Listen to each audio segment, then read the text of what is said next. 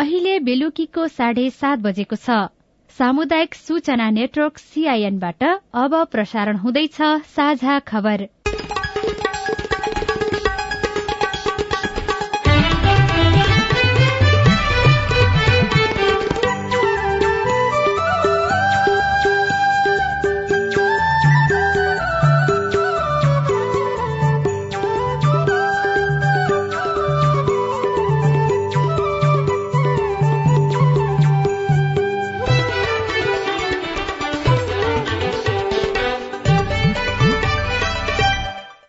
सीआईएनको साझा खबरबाट दीपक आचार्यको नमस्कार।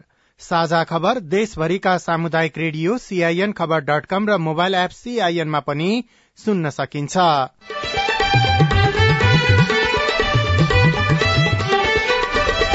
लगातारको वर्षाका कारण देशभरको जनजीवन प्रभावित ठाउँ ठाउँमा पहिरो प्युठानमा पहिरोमा पुरेर छ जना बेपत्ता नारायणी नदीमा आएको बाढ़ीका कारण पूर्वी नवलपरासीका पैंतिस घर डुबानमा नदी तटीय क्षेत्रमा अझै सतर्कता अप्नाउनु पर्ने। आज चाहिँ विभिन्न ठाउँमा चाहिँ बाटोहरू पनि अवरुद्ध हुन पुगेका छन्। बाढी पहिरोको कारणले गर्दाखेरि र देशका धेरै भित्री भागहरू भित्री सड़कहरू पनि अवरुद्ध भएको जानकारी प्राप्त भएको छ। सत्तारूढ़ गठबन्धनलाई सीट बाँडफाँड गर्न हम्मे हम्मे एमाले र राप्रपा सहमति नजिक जसपाले एमालेसँग गठबन्धन गर्ने भएपछि लोसपा सत्तारूढ़ गठबन्धनमा एमाले भोलि चुनावी तालमेल बारेमा टुङ्गो लगाउने। सहमतिको निकट हामी छौँ होइन? त्यस पछाडि अब अझ पनि कुराकानीहरू भइरहेछ। अब भोलि बिहानसम्म पर्खिनुहोस् न। निर्वाचनका लागि समानुपातिक प्रणालीतर्फको मतपत्र छपाईको काम सम्पन्न।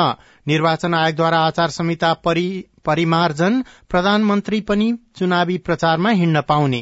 आयोगको पूर्व सहमति लिएर राज्यको स्रोत साधन प्रयोग नगरिकन गर्न पाउने गरी पछिल्लो व्यवस्था गरेको हो। र नौ राष्ट्रिय खेलकुद प्रतियोगिता अन्तर्गतको विभिन्न दश खेल र तेइस विधाहरू रद्द।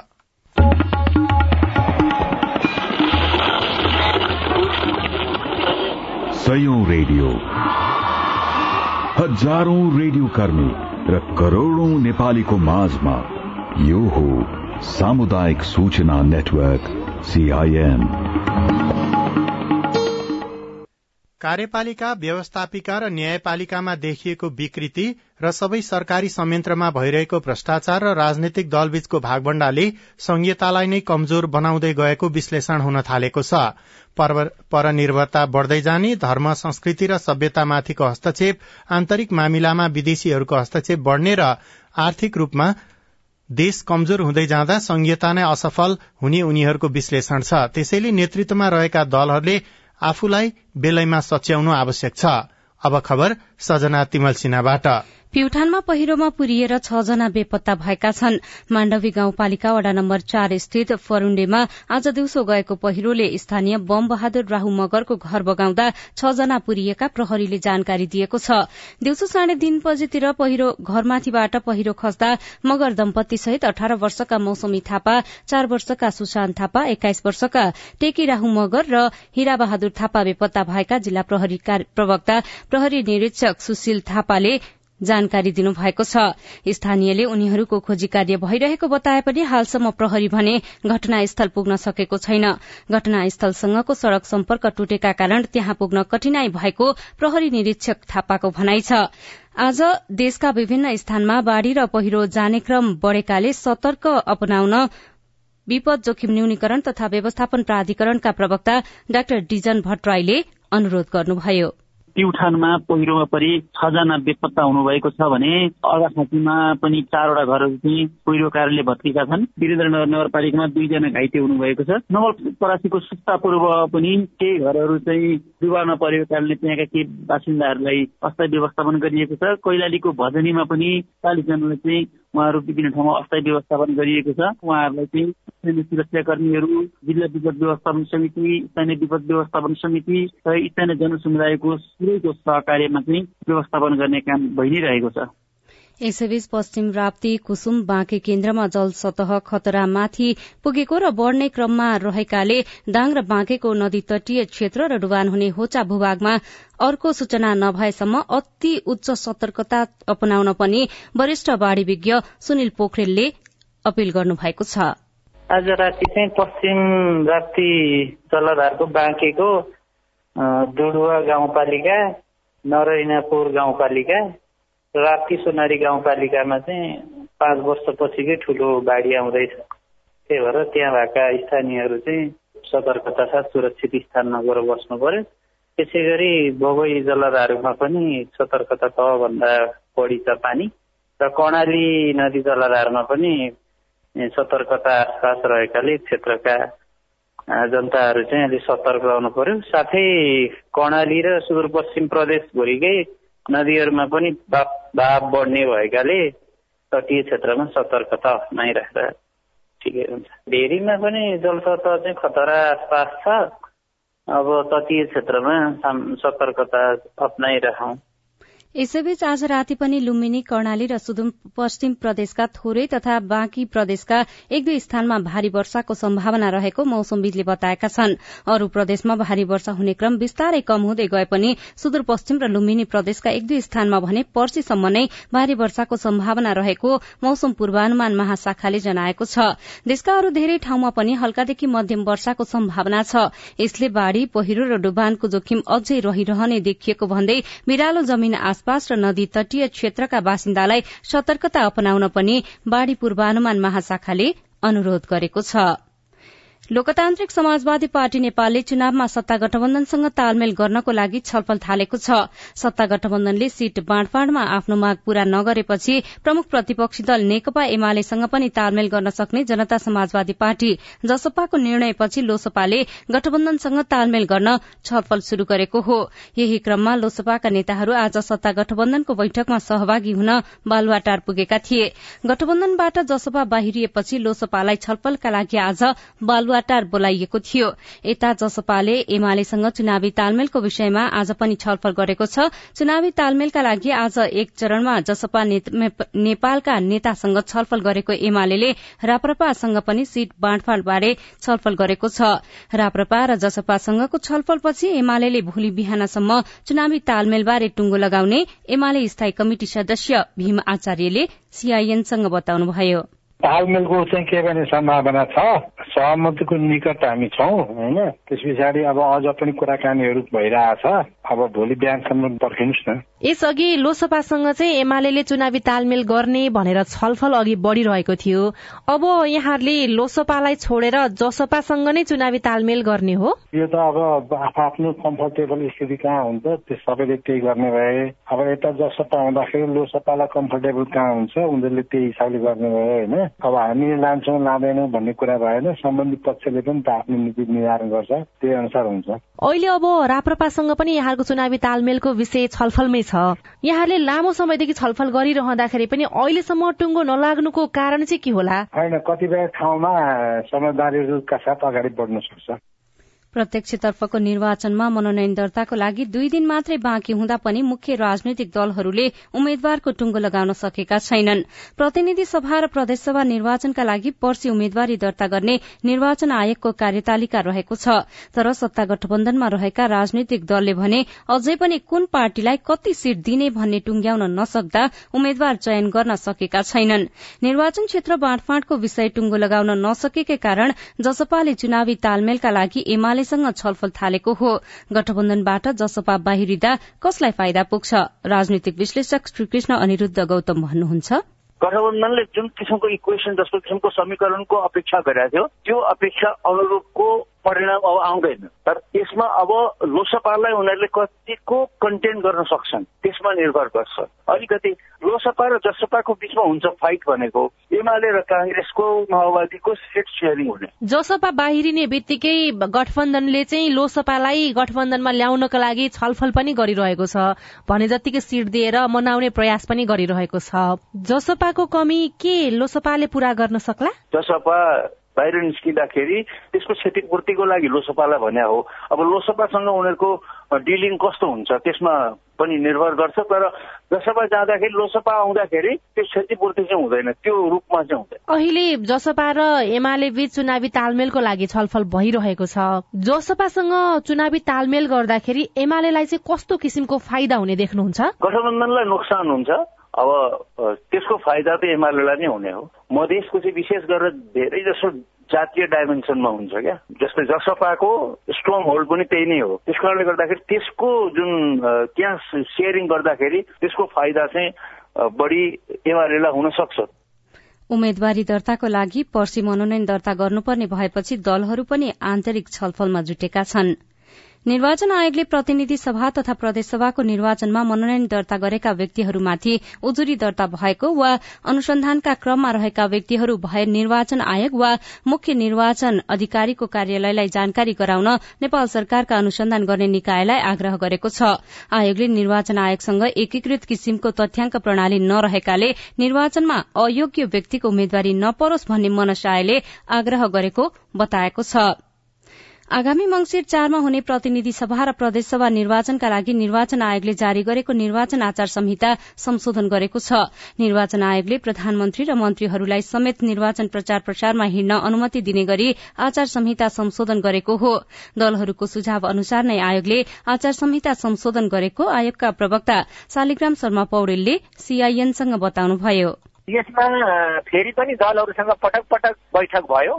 र दलहरू प्राय सबैबाट दलमा अहिले सत्तामा रहेका अथवा चाहिँ नि विपक्षीमा रहेका सबै दलहरूबाट यो यसरी कुनै पनि दलको पदाधिकारी सम्बन्धित दलको पनि पदाधिकारी हुन्छ। दलको अध्यक्ष सभापति हुन्छ अथवा महामन्त्री हुन्छ अथवा महासचिव हुन्छ विभिन्न पदमा बसेको हुन्छ। त्यसो भए हुनाले उसलाई निर्वाचन प्रचार प्रसारमा रोक्नु हुँदैन यसलाई सहजीकरण गर्नुपर्छ भन्ने सबै तर्फबाट सुझाव प्राप्त भएको हुनाले आयोगले आयोगको पूर्व सहमति लिएर राज्यको स्रोत साधन प्रयोग नगरिकन गर्न पाउने गरी पछिल्लो व्यवस्था गरेको हो। निर्वाचन आयोगले स्थानीय तहका पदाधिकारीहरूलाई लागू हुने आचार संहिताको बन्देजात्मक व्यवस्था पनि खुकुलो पारेको छ। यसअघि आचार संहितामा स्थानीय तहको कार्यपालिकाका पदाधिकारीहरू निर्वाचन प्रचार प्रसारमा सहभागी हुन नपाउने व्यवस्था थियो। अब भने यो बन्देज शर्तसहित हटेको छ। निर्वाचनका लागि राष्ट्रिय प्रजातन्त्र पार्टी राप्रपाले देशभरिबाट उम्मेद्वारको नाम टुंगो लगाएको छ।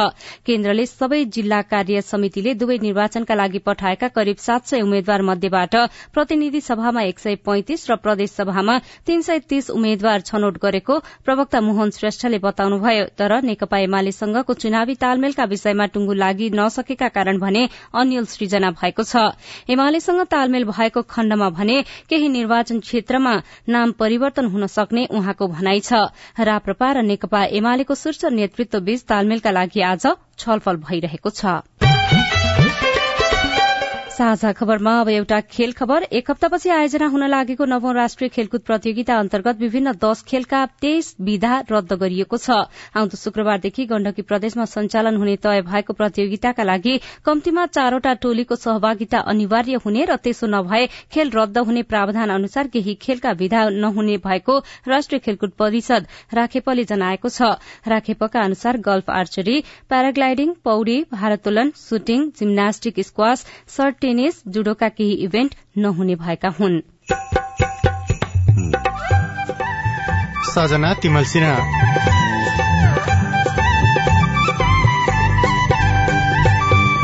दशैं तिहार लगायतका चाडबाड मनाउन हिँड्दा घरको सुरक्षा। कुनै व्यक्तिले गैर कानूनी क्रियाकलापहरू गर्न सक्छ कि भनेर अपराधै हुन नदिनको लागि हामीले हाम्रा सूचना दिने संयन्त्रहरू पनि तयार गरेका छौं। झापामा कार्यान्वयनमा आएको विशेष सुरक्षा योजना सम्बन्धी रिपोर्टसँगै नेपालको चिकित्सा अध्ययन गुणस्तरहीन हुनुको कारण लगायतका सामग्री बाँकी नै छन्। सीआईएनको साझा खबर सुन्दै गर्नुहोला।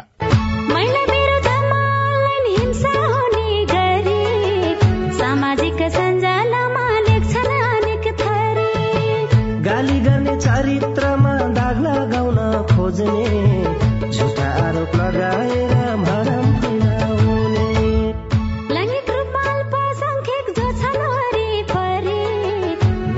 थरी हिंसा गर्छन् होच्याउने गरी।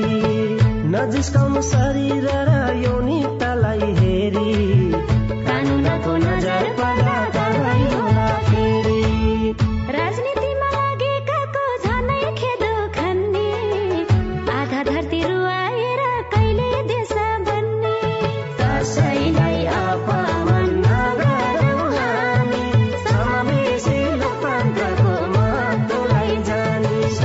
सञ्जाल लगायत अनलाइनमा हुने मिथ्या समाचार दुष्प्रचार र घृणा जन्य अभिव्यक्ति कानूनी रूपमा दण्डनीय छ। अनलाइन हिंसा नगरौं र नसहौं। युएसएआईडी र एनडिआई नेपालको आर्थिक तथा प्राविधिक सहयोगमा पर्पल फाउन्डेसनको चेतनामूलक सन्देश। सामाजिक रूपान्तरणका लागि यो हो सामुदायिक सूचना नेटवर्क सीआईएन तपाई सामुदायिक सूचना नेटवर्क सीआईएनले काठमाडौँमा तयार पारेको साझा खबर सुन्दै हुनुहुन्छ। अब बाँकी खबर। लगातारको वर्षातका कारण सल्यानमा एघार घर भत्किएका छन्। एक घर र एक पुल शारदा नदीले बगाएको छ। वर्षातका कारण ठाउँ ठाउँमा गएको पहिरोले चौबिसवटा भन्दा बढ़ी घर जोखिममा परेको जिल्ला प्रहरी कार्यालय सल्यानका प्रहरी नायब उपरीक्षक दामोदर केसीले जानकारी दिनुभयो। डेंगी संक्रमणका कारण थप एकजनाको मृत्यु भएको छ। स्वास्थ्य तथा जनसंख्या मन्त्रालयले आज अध्यावधिक गरेको तथ्याङ्कमा डेंगी संक्रमणका कारण बयालिस जनाको मृत्यु भएको जनाइएको छ। गत साउनदेखि हालसम्म छयत्तर जिल्लामा फैलिएको डेंगीबाट बत्तीस हजार एक सय एक्काइस जना संक्रमित भएका छन्। दशैं तिहार लगायतका चाडबाड मनाउनका लागि प्राय सबै घर फर्कन्छन् तर अस्थायी रूपमा होस् या स्थायी बसिरहेको ठाउँ छोड्दा सावधानी अप्नाइएन भने धन सम्पत्ति चोरी हुने जोखिम हुन्छ। झापामा भने यस्तो अवस्था आउन नदिने नदिनका लागि विशेष सुरक्षा योजना कार्यान्वयनमा ल्याइएको छ। दशैं तिहार जस्ता समयमा चोरी लुटपाटका घटना बढ़ी नै हुन्छन्। यस्ता घटना नहोस् भन्नका लागि प्रहरीले झापा जिल्लाभर दशैं तिहार लक्षित सुरक्षा योजना लागू गरेको छ। सादा पोसाकमा प्रहरी परिचालनदेखि सीमा नाकामा गस्ती बढ़ाइएको बताउँदै जिल्ला प्रहरी प्रमुख डीएसपी वसन्त पाठक। अलिक भीड़भाड़ हुने आर्थिक कारोबार हुने ठाउँहरूमा सादा पोसाकमा पनि प्रहरी परिचालन गरिएको छ। मापसे गरेर त्यो सवारी साधनहरू चलाउने र अन्य किसिमका अपराधिक गतिविधि हुन गर्न नपाउनको लागि चेक पोइन्टहरू बढ़ाएको छौँ हामीले। बोर्डर एरियाहरूमा पनि गस्तीहरू चाहिँ बढ़ाएको छौँ भारतीय खुल्ला सीमाका कारण पनि झापामा सुरक्षा जोखिम धेरै हुन्छ। त्यसैले भारतसँग सीमा जोडिएको काकरभिट्टामा प्रहरी परिचालनलाई व्यवस्थित गरिएको र सूचना संयन्त्र पनि तयार गरिएको छ। इलाका प्रहरी कार्यालय काकरभिट्टाका डीएसपी ज्ञान कुमार महतो। मोटरसाइकलमा हाम्रो गस्ती टोलीहरू घुमिराखेको छ। त्यसै गरी कुनै व्यक्तिले गैर कानूनी क्रियाकलापहरू गर्न सक्छ कि भनेर अपराधै हुन नदिनको लागि हामीले हाम्रा सूचना दिने संयन्त्रहरू पनि तयार गरेका छौं। सीमा नाका काकरभिट्टाबाट लामो दूरीका सवारी साधन चल्ने गरेका छन्। दशैंका समयमा यस नाकाबाट यात्रा गर्ने यात्रुलाई लक्षित गरी बस पार्कमा यात्रु सहायता कक्ष पनि सञ्चालन गरिएको छ। तोकिएको भन्दा बढ़ी भाडा लिँदैछ कि कसैले? त्यसको एकदमै हेर्नु पर्यो। त्यहाँ बोर्ड राखिएको छ। चाडपर्वको अवसरमा अत्याधिक भीड़भाड़ हुने। विशेष गरी यात्रुहरू टाढा टाढाका यात्रुहरू बसको प्रयोग गर्छन्। सार्वजनिक यातायातको प्रयोग गर्छन्। त्यसमा बस पार्कमा यात्रु सहायता कक्ष हुन्छ। कुनै समस्याहरू परेमा तत्काल त्यहाँ यात्रु सहायता कक्षमा खटिएका प्रहरीलाई जानकारी गराउन म अनुरोध गर्छु। पर्वका समयमा हुने चोरी लुटपाट जस्ता आपराधिक गतिविधिबाट बच्न नागरिक आफै सजग हुन पर्छ घर छोडेर हिँड्दा अथवा ब्याङ्कबाट पैसा निकाल्दा वा भीड़भाड़मा हिँड्दा ध्यान दिन प्रहरीको अनुरोध छ। सुषमा राजवंशी सीआईएन रेडियो साथी झापा। साझा खबरमा अब हेलो सीआईएन स्नेहा कर्णबाट। म कान्त विश्वकर्मा अर्घाँसीदेखि म शिक्षक सेवाको बारेमा कुरा गर्न खोजेको हाम्रो अनुदानमा आधारित भन्दा छ पर्सेन्ट चाहिँ कट्टा भएको चाहिँ दुई वर्ष जति भयो यो रकम चाहिँ कहाँ जम्मा हुन्छ अनि त्यहाँ यसको फन्ड के हो सञ्चय कोषमा जम्मा हुने हो कि नहुने हो अरू जिल्लाहरूमा नकाटेको भनेर पाइएको छ यस विषयमा प्रश्न पारिदिनको लागि म हार्दिक अनुरोध गर्छु कान्तिजी यस विषयमा प्रश्न पारिदिनका लागि हामीले शिक्षा विकास तथा समन्वय इकाई अर्घाखाँचीका प्रमुख मनिराम पराजुलीलाई भनेका छौं। दुई थरी अनुदान हुन्छ कि? एउटा थाई टिचरहरूलाई आउने एउटा अस्थायी र राहत अनुदान कोटामा आउने। थाईहरूको हकमा निश्चित पर्सेन्ट कसमको काट्ने पनि प्लस थप्ने पनि सरकारबाट व्यवहार हुन्छ के अरे। अब यो सबैले सरकारी तवरले अनुदान पाउनेहरूले जानेको विषय हो। अरूको हकमा जे शीर्षकबाट पैसा आयो उनीहरूको अस्थायी र राहत अनुदान कोटाका भनेको त त्यो काटेर कतिपट्टि जम्मा गरेर पछि दिने भन्ने कुरा त हुँदैन। पहिले तलब सेवा सुविधा पाउँदा उनीहरूले जे पाउँछन् त्यति मात्रै हो। थाईको हकमा हुन्छ भन्ने कुरा हो। बाराका सुजित पाण्डे हाम्रो फेसबुक पेजमा लेख्नुहुन्छ बारामा हिजो भएको बस दुर्घटनामा परेर सोह्र जना भन्दा बढ़ीको मृत्यु भयो। अझै गम्भीर अवस्थामा उपचाररत छन्। यसरी लापरवाही गरेर गाड़ी चलाउनेलाई कस्तो कार्यवाही हुन्छ? सुजितजी तपाईँको यो प्रश्न हामीले जिल्ला ट्राफिक प्रहरी कार्यालय बाराका वरिष्ठ सही टीका बराललाई सुनाएपछि उहाँको जवाब छ।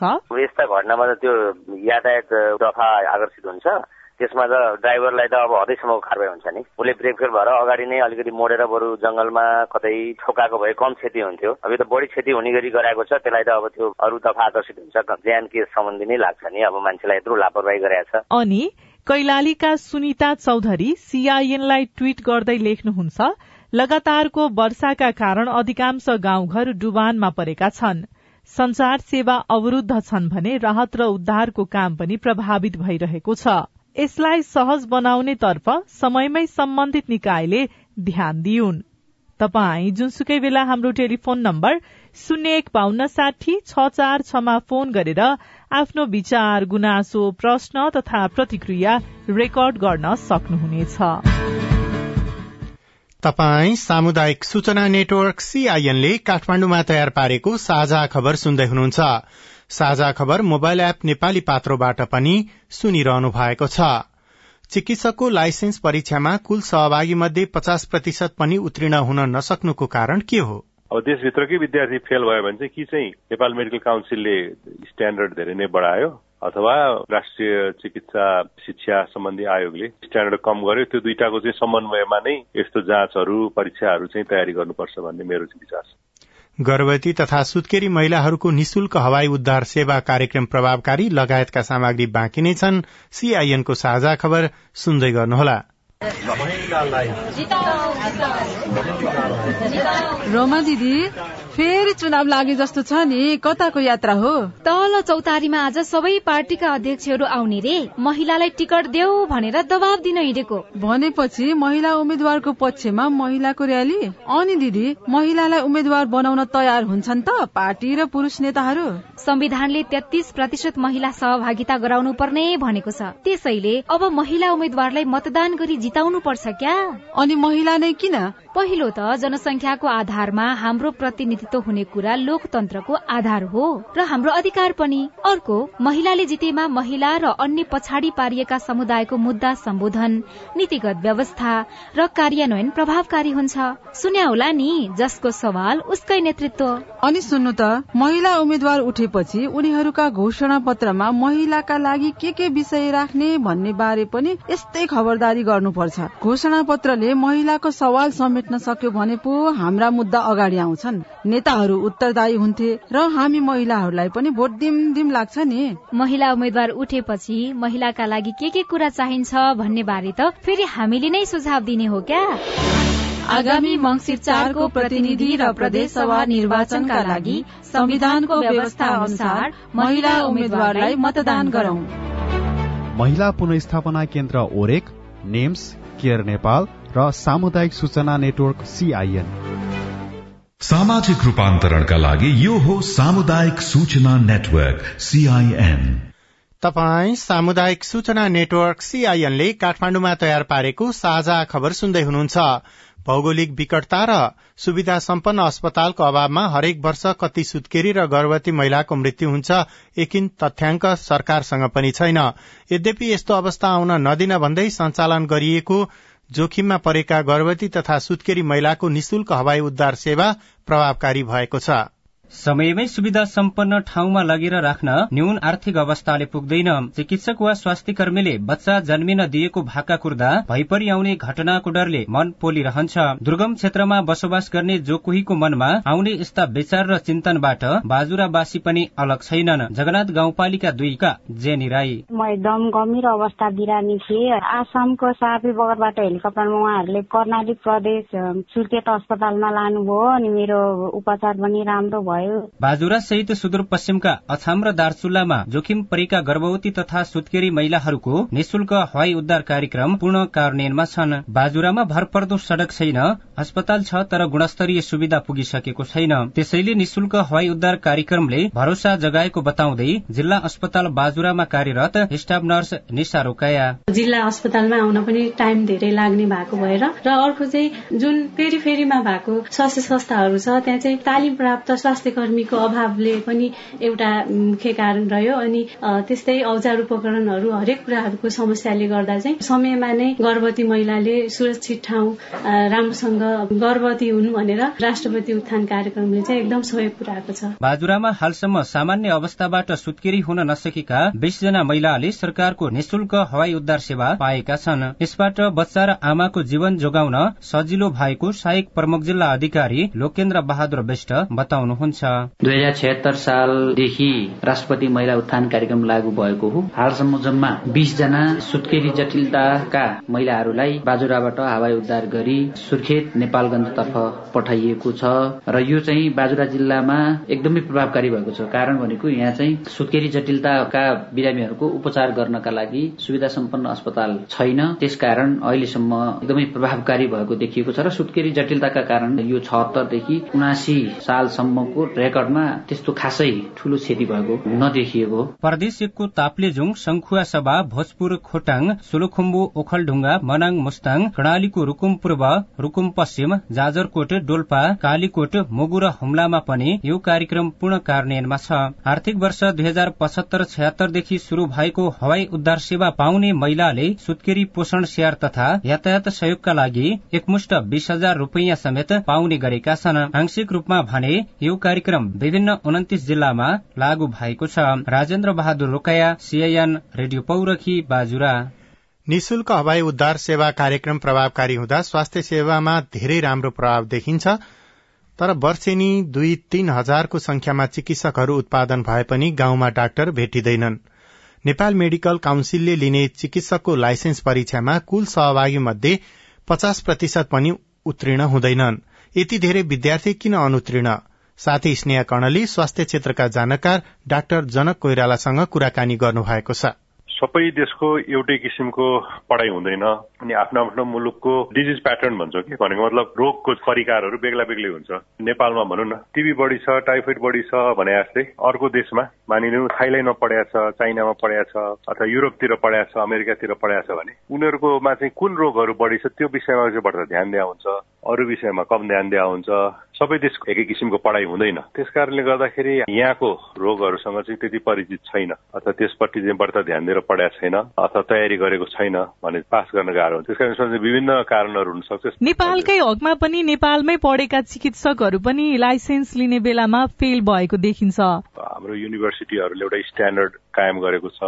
अरू मुलुकहरूको हेर्ने हो भने आफ्नो देशमा पास गरिसकेकोलाई राष्ट्रिय चिकित्सा शिक्षा सम्बन्धी आयोगले जुन स्ट्यान्डर्ड राखेको छ त्यो स्ट्यान्डर्डबाट पास गरी विद्यार्थीहरूलाई नेपाल मेडिकल काउन्सिलको परीक्षामा फेल हुनु भनेको चाहिँ ठिक होइन त्यो। राष्ट्रिय चिकित्सा शिक्षा सम्बन्धी आयोगले पास गरिसकेको विद्यार्थीहरूलाई त्यो स्ट्यान्डर्ड पास गरेको विद्यार्थी खासमा परीक्षा लिन जरुरी पनि छैन। लिइहाले पनि त्यही स्तरको परीक्षा लिएर पास फेल भए पनि अब दुई चार पर्सेन्ट तलमाथि मात्रै हुनुपर्ने हो। त्योभन्दा बढ्दा तलमाथि भयो भने त्यो पास फेलको खास अर्थ हुँदैन जस्तो लाग्छ मलाई। नेपाल मेडिकल काउन्सिलले जुन एउटा गुणस्तरीय मापदण्ड तोकेको छ नि लाइसेन्स परीक्षाको लागि त्यो अनुसारको मेहनत नपुगेको कारणले गर्दा पनि यो समस्या देखिएको होला भनेर भन्न सकिन्छ? विदेशमा पढेर आएकोहरूले चाहिँ नेपालमा कुन प्रकारको रोगहरू छ नेपालको स्वास्थ्यको कस्तो किसिमको व्यवस्था छ स्वास्थ्य प्रणाली कस्तो छ त्यसबारेमा चाहिँ अध्ययन गर्न जरुरी हुन्छ। त्यो अध्ययन नगरिकन परीक्षा दियो भने चाहिँ फेल हुने सम्भावना हुन्छ। त्यसपछि जाँच दिनुपर्ने हुन्छ। त्यसमा चाहिँ उहाँहरू फेल हुनु भने त्यसमा गल्ती भयो होइन? तर अब देशभित्रकै विद्यार्थी फेल भयो भने चाहिँ कि चाहिँ नेपाल मेडिकल काउन्सिलले स्ट्यान्डर्ड धेरै नै बढायो। अथवा राष्ट्रिय चिकित्सा शिक्षा सम्बन्धी आयोगले स्ट्यान्डर्ड कम गर्यो त्यो दुइटाको चाहिँ समन्वयमा नै यस्तो जाँचहरू परीक्षाहरू चाहिँ तयारी गर्नुपर्छ भन्ने मेरो चाहिँ विचार छ। कुनै पनि चिकित्सक नाम दर्ताको लागि जब परीक्षा दिन्छन् अनि फेल हुन्छन् त्यो दरलाई घटाउनको लागि के के गर्दाखेरि सजिलो हुन्छ र विद्यार्थीहरूलाई पनि चिकित्सा क्षेत्रमा पढ्नुपर्छ लाग्नुपर्छ भन्ने मनोबल चाहिँ बढाउन सकिन्छ? हाम्रो नेपालको हिसाबमा चाहिँ नेपाली विद्यार्थीहरूलाई जुन मेडिकल कलेजहरूमा एउटा स्ट्यान्डर्ड मेडिकल एजुकेसन काउन्सिलले जुन बनाएको छ चिकित्सा शिक्षा आयोगले त्यो हिसाबले मेडिकल कलेजहरूले बनाएको स्ट्यान्डर्डमा उनीहरूले त पास गर्नुपर्ने नै हुन्छ। त्यसबाट पास गरिसकेपछि नेपाल मेडिकल काउन्सिलको परीक्षा चाहिँ त्यही स्तरको नै अथवा त्यही बराबरको स्तरको बनाउनु पर्ने हो होइन? त्योदेखि बाहेक अब सायद यहाँको सिस्टम के छ हाम्रो स्वास्थ्य प्रणाली कस्तो छ त्यो सबैको बारेमा पनि अलिअलि आफूले अध्ययन गर्नुपर्ने हुनसक्छ अथवा कलेजहरूले नै पढाउनु पर्ने सक्छ। त्यो एउटा भयो। विदेशबाट आएकोहरूले उहाँहरूको लागि चाहिँ के गर्नु पर्यो भने एमबिबिएस मात्रै पास गराएको छ भने एमयुएस स्तरकै यहाँकै स्तरको परीक्षा नै लिनु पर्यो ताकि यहाँको विद्यार्थी बराबर उनीहरूले पनि जानकारी होस्। आफूले विदेशमा पढेको छैन मानिलिनु रुसमा पढेर आएको छ। नेपालको स्वास्थ्य प्रणालीको बारेमा थाहा छैन उहाँले अध्ययन गर्नु पर्यो होइन? नेपालमा कुन चाहिँ रोगहरू बढी छ त्यसको बारेमा अध्ययन गर्नु पर्यो त्यसपछि मात्रै जाँच दिनु पर्यो। अथवा प्लास्टिक सर्जरीको विशेषज्ञ भएर आयो मुटु रोग सम्बन्धीलाई मुटु रोग सम्बन्धी नै सोध्नु पर्यो होइन? त्यो किसिमको नै परीक्षा प्रणाली अप्नाउनु पर्ने हुन्छ। यो कुरामा अब सुधार चाहिँ गर्न जरुरी छ। प्युठानमा पहिरोमा पुरिएर एकै परिवारका छजना बेपत्ता भएका छन्। सत्तारूढ़ गठबन्धनलाई सीट बाँडफाँड गर्न हम्मे हम्मे परेको छ। एमाले र राप्रपा चुनावी तालमेलका लागि सहमति नजिक पुगेका छन्। निर्वाचनका लागि समानुपातिक प्रणालीतर्फको मतपत्र छपाईको काम सम्पन्न भएको छ र नौ राष्ट्रिय खेलकुद प्रतियोगिता अन्तर्गतको विभिन्न दश खेलका तेइस विधा रद्द गरिएको छ। हवस् आजलाई साझा खबरको समय सकियो। प्राविधिक साथी सुरेन्द्र सिंहलाई धन्यवाद। भोलि असोज बाइस गते बिहान छ बजेको साझा खबरमा फेरि भेटौँला। अहिलेलाई भने म दीपक आचार्य पनि विदा हुन्छु। नमस्कार शुभरात्री।